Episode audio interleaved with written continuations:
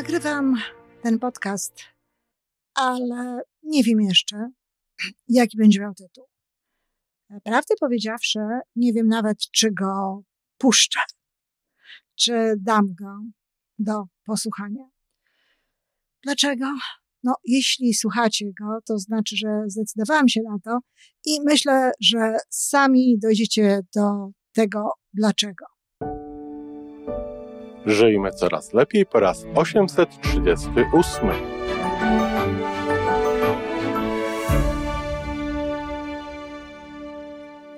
Witamy w miejscu, gdzie wiedza i doświadczenie łączą się z pozytywną energią. Nazywam się Iwona Majwska-Piołka. Jestem psychologiem transpersonalnym, wspierającym rozwój osobisty i duchowy. A ja nazywam się Tomek Kniat. Nie jestem psychologiem, jestem techniczny, jestem adeptem rozwoju osobistego, bardzo to lubię. Razem tworzymy podcast, właśnie ten, którego słuchanie powoduje, że naprawdę żyje się coraz lepiej. Wiemy to, bo tak nam mówią nasi słuchacze. Zapraszamy do wysłuchania kolejnego odcinka i mamy nadzieję, że nowe głosy dołączą do tych, że warto nas słuchać. Dzień dobry, kochani, w sobotę. Nie jest to podcast obojętny emocjonalnie, ale myślę, że sporo moich wypowiedzi nie jest obojętnych emocjonalnie. Obejrzałam film, kanadyjski zresztą, pod tytułem Pokój. The Room. Film o tym, oparty zresztą w dużym stopniu na faktach.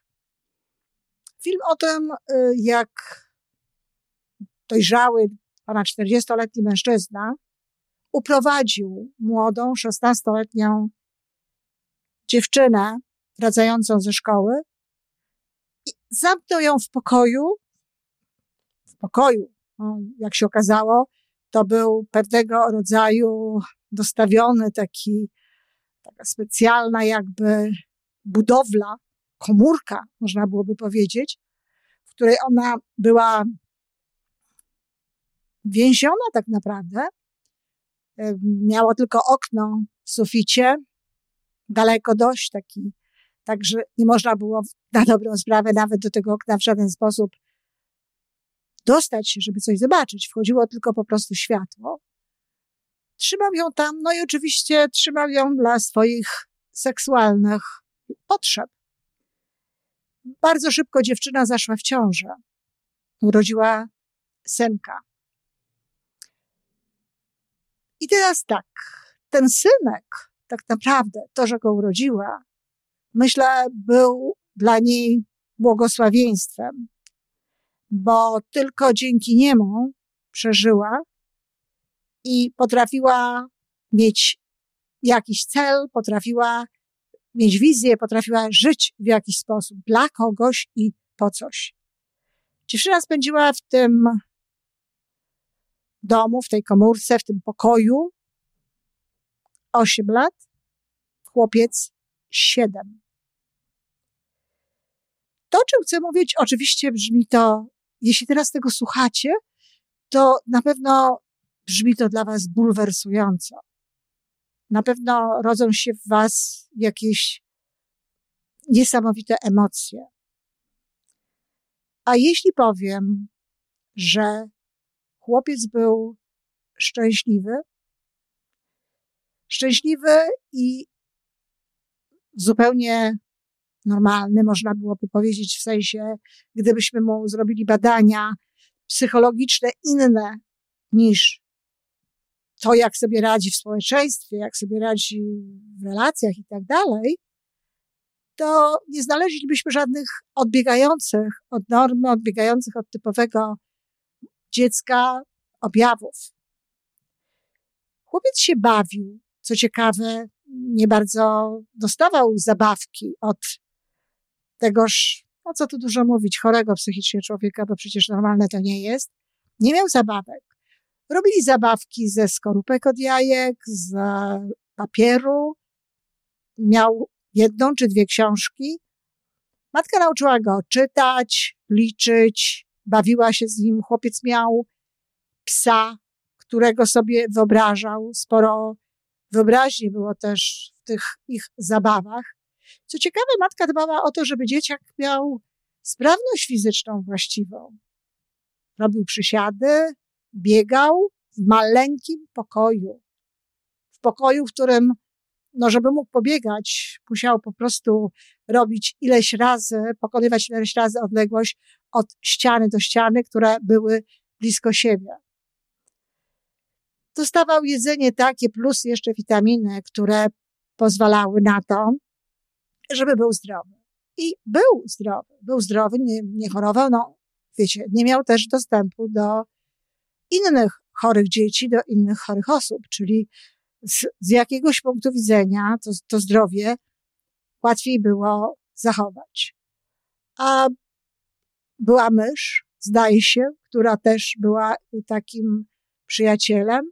Bardzo dużo rozmawiali. Matka, to zadziwiające, przecież właściwie została odcięta od cywilizacji, od dopływu wiadomości, od możliwości rozwoju w wieku kilkunastu lat. Młoda dziewczyna wracała z zajęć, jak mówiłam, ze szkoły. Potrafiła naprawdę z podziwem patrzyłam na to, jak tłumaczy temu dziecku różne rzeczy, jak go traktuje, ile ma dla niego spokoju, ile ma dla niego uważności i jak pięknie kształtują się te, te ich relacje. Dziecko nie miało złych nastrojów, było zadowolone, w ogóle bardzo miał taki ciekawy sposób takiego właśnie pozytywnego podejścia do życia. Zdenerwował się tylko raz, kiedy matka powiedziała mu, że jest jeszcze coś więcej niż ten ich pokój. Że jest coś więcej niż pokój, że jest świat.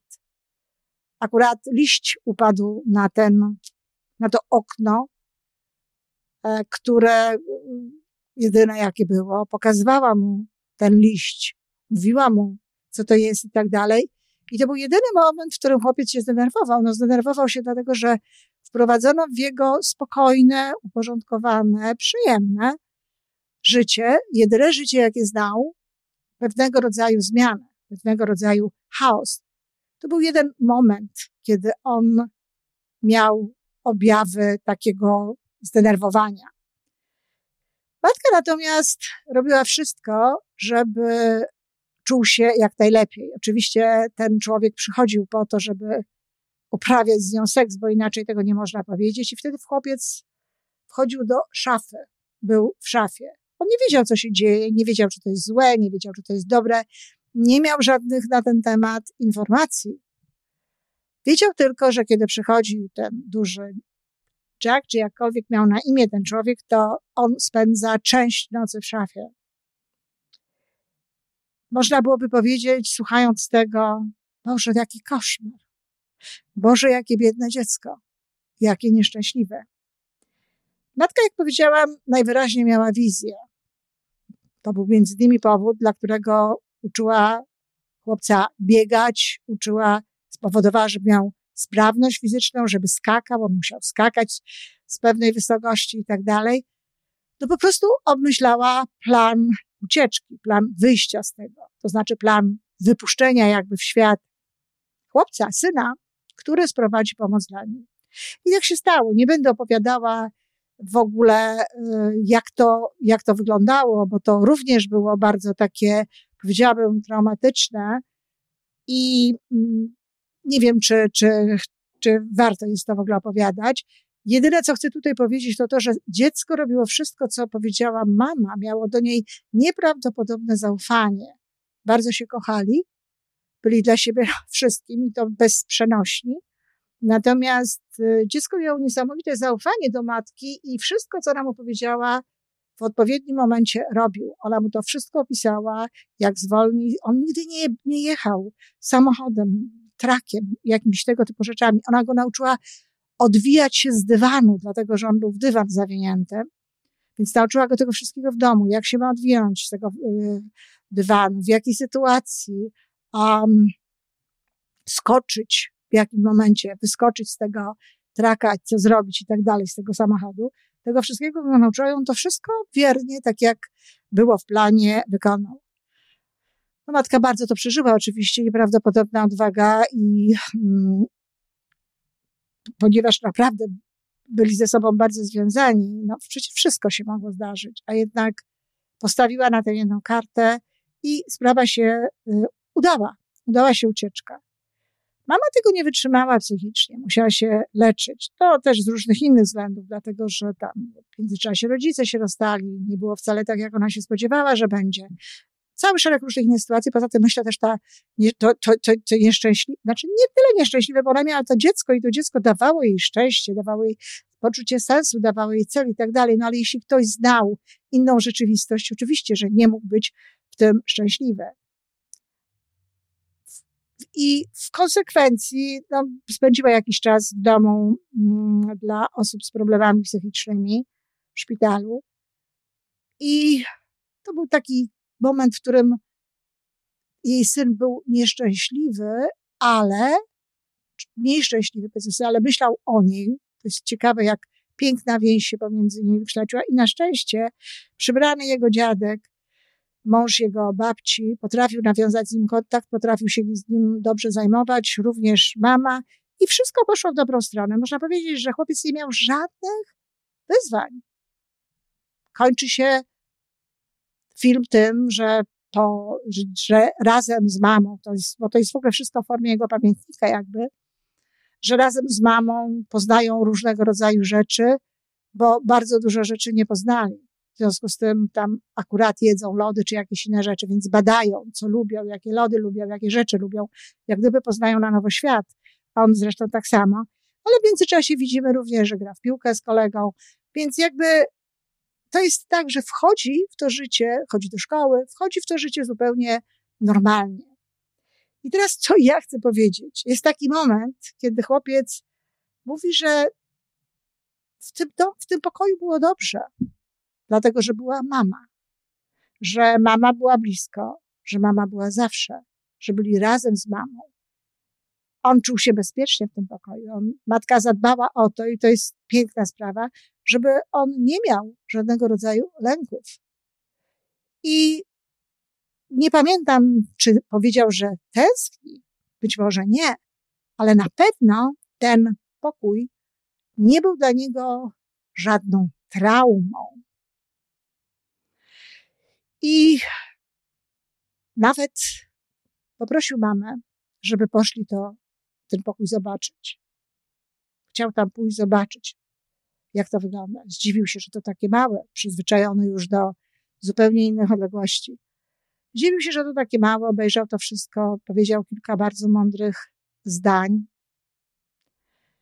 Wyszedł, pożegnał się ze wszystkim, bo miał taki zwyczaj, że jak wstawał rano, to się ze wszystkim witał. Nie było tego dużo, ale się ze wszystkim witał. Każdemu mówił dzień dobry.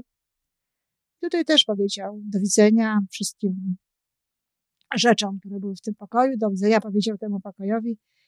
No i sprawa się skończyła jakby z tym pokojem.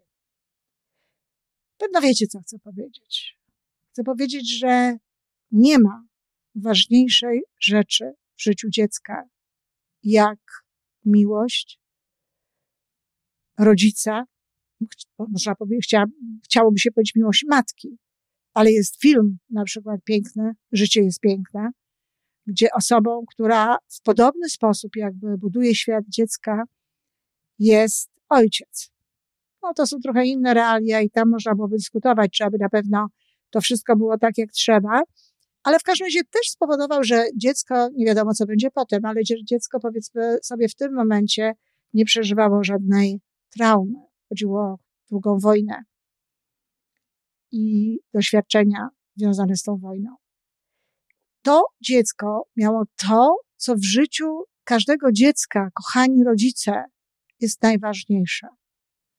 Miłość matki, obecność matki, poczucie bezpieczeństwa, rozwój, zabawę, pewnego rodzaju urozmaicone działania w zakresie tego, jakie to, na ile to było możliwe. Ale tam działy się różne rzeczy. W rozmowach działy się różne rzeczy. Była, tworzyła się taka więź, tworzyła się bliskość. Tak dalece było dobrze temu dziecku, że w momencie, kiedy właśnie nie było matki, kiedy on z klockami Lego, z różnego rodzaju zabawkami z telefonem czy jakąś inną rzeczą do grania, którą oczywiście zaraz współczesny świat to dziecko po prostu obdarowuje. On dostał mnóstwo prezentów, nawet od obcych ludzi. To okazuje się, że on tak naprawdę szczęśliwszy był wtedy, tam, w tym pokoju. Potem to wszystko się wyrównało i nauczył się oczywiście żyć w tych realiach. Ale rodzice, kochani, my często uważamy, że to, co jest dla dzieci najważniejsze, to właśnie to, żeby miały dobre zabawki, żeby miały nowe zabawki, żeby miały nawet czasami zabawki lepsze niż ktoś inny, żeby nie musiały prosić o pewne rzeczy. To była moja postawa. Kiedy pamiętałam, jak prosiłam o pewne rzeczy, czy mogę się pobawić, to robiłam wszystko, żeby moja Magda nie miała nigdy takiej sytuacji w życiu. Ale my myślimy właśnie, że te rzeczy są najważniejsze. Pracujemy dla nich, mamy dla nich mało czasu, bo pracujemy, bo chcemy, żeby miały właśnie różne rzeczy, bo chcemy, żeby mogły skończyć szkoły i żeby co? No, żeby wychowywać potem podobnie dzieci w podobny sposób, jak my żyjemy. Tymczasem okazuje się, że wcale nie to tak naprawdę jest dla dzieci najważniejsze. Ja zresztą wiem o tym też na podstawie e, sąsiadów, których e, miałam w jednym ze swoich mieszkań, gdzie mieszkałam. To nie byli bogaci ludzie, można nawet powiedzieć, że bardzo biedni. Żyli skromnie, mieli troje dzieci. Te dzieci nie miały różnego rodzaju zabawy, które miał cały świat dookoła i to już była rzeczywistość współczesna, ale były bardzo kochane. E, dużo było rozmów, dużo było wspólnego czasu spędzanego, zarówno w domu, z gra, w grach, z grami różnymi, jak też e, wspólne gdzieś wyjazdy na rower czy wycieczki piesze. I te dzieci czuły się bardzo kochane, bardzo związane z rodzicami i wcale nie czuły się gorsze, bo rozmawiałam potem już po latach e, z synem dorosłym, właśnie kiedy już dorósł, tych sąsiadów. Wcale nie czuły się gorsze, wcale nie czuły się y, inaczej. Czuły, że są kochane, czuły, że są ważne.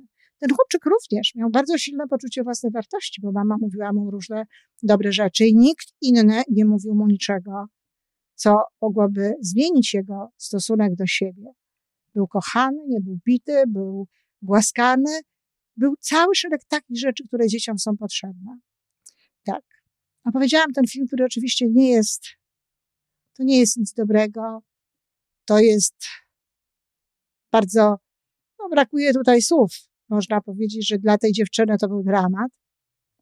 Natomiast w ogóle generalnie rzecz biorąc, to jest to przestępstwo i okrucieństwo, ale okazuje się, że w takich warunkach, w takich realiach bardzo mocno pokazuje się i dochodzi do głosu to, co tak naprawdę jest najważniejsze dla dzieci. Tak dla refleksji to Wam opowiedziałam. Jeśli chcecie zobaczyć ten film, ja go znalazłam na Netflix. Nosi tytuł The Room. I, czyli pokój. To był cały świat, nawiasem mówiąc, tego dziecka. Myślał, że jest tylko to. I w tym pokoju, tym całym świecie był szczęśliwy. Z powodu właściwych, aż zadziwiających wprost zachowań matki. Pomyślcie o tym. Jestem bardzo też ciekawa Waszych refleksji. Oczywiście pod warunkiem, że to w ogóle umieszczę. Dziękuję.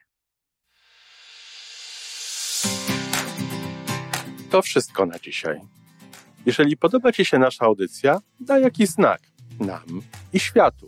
Daj lajka, zrób subskrypcję, napisz komentarz, powiedz o nas innym. Z góry dziękujemy. Razem możemy więcej. Do usłyszenia.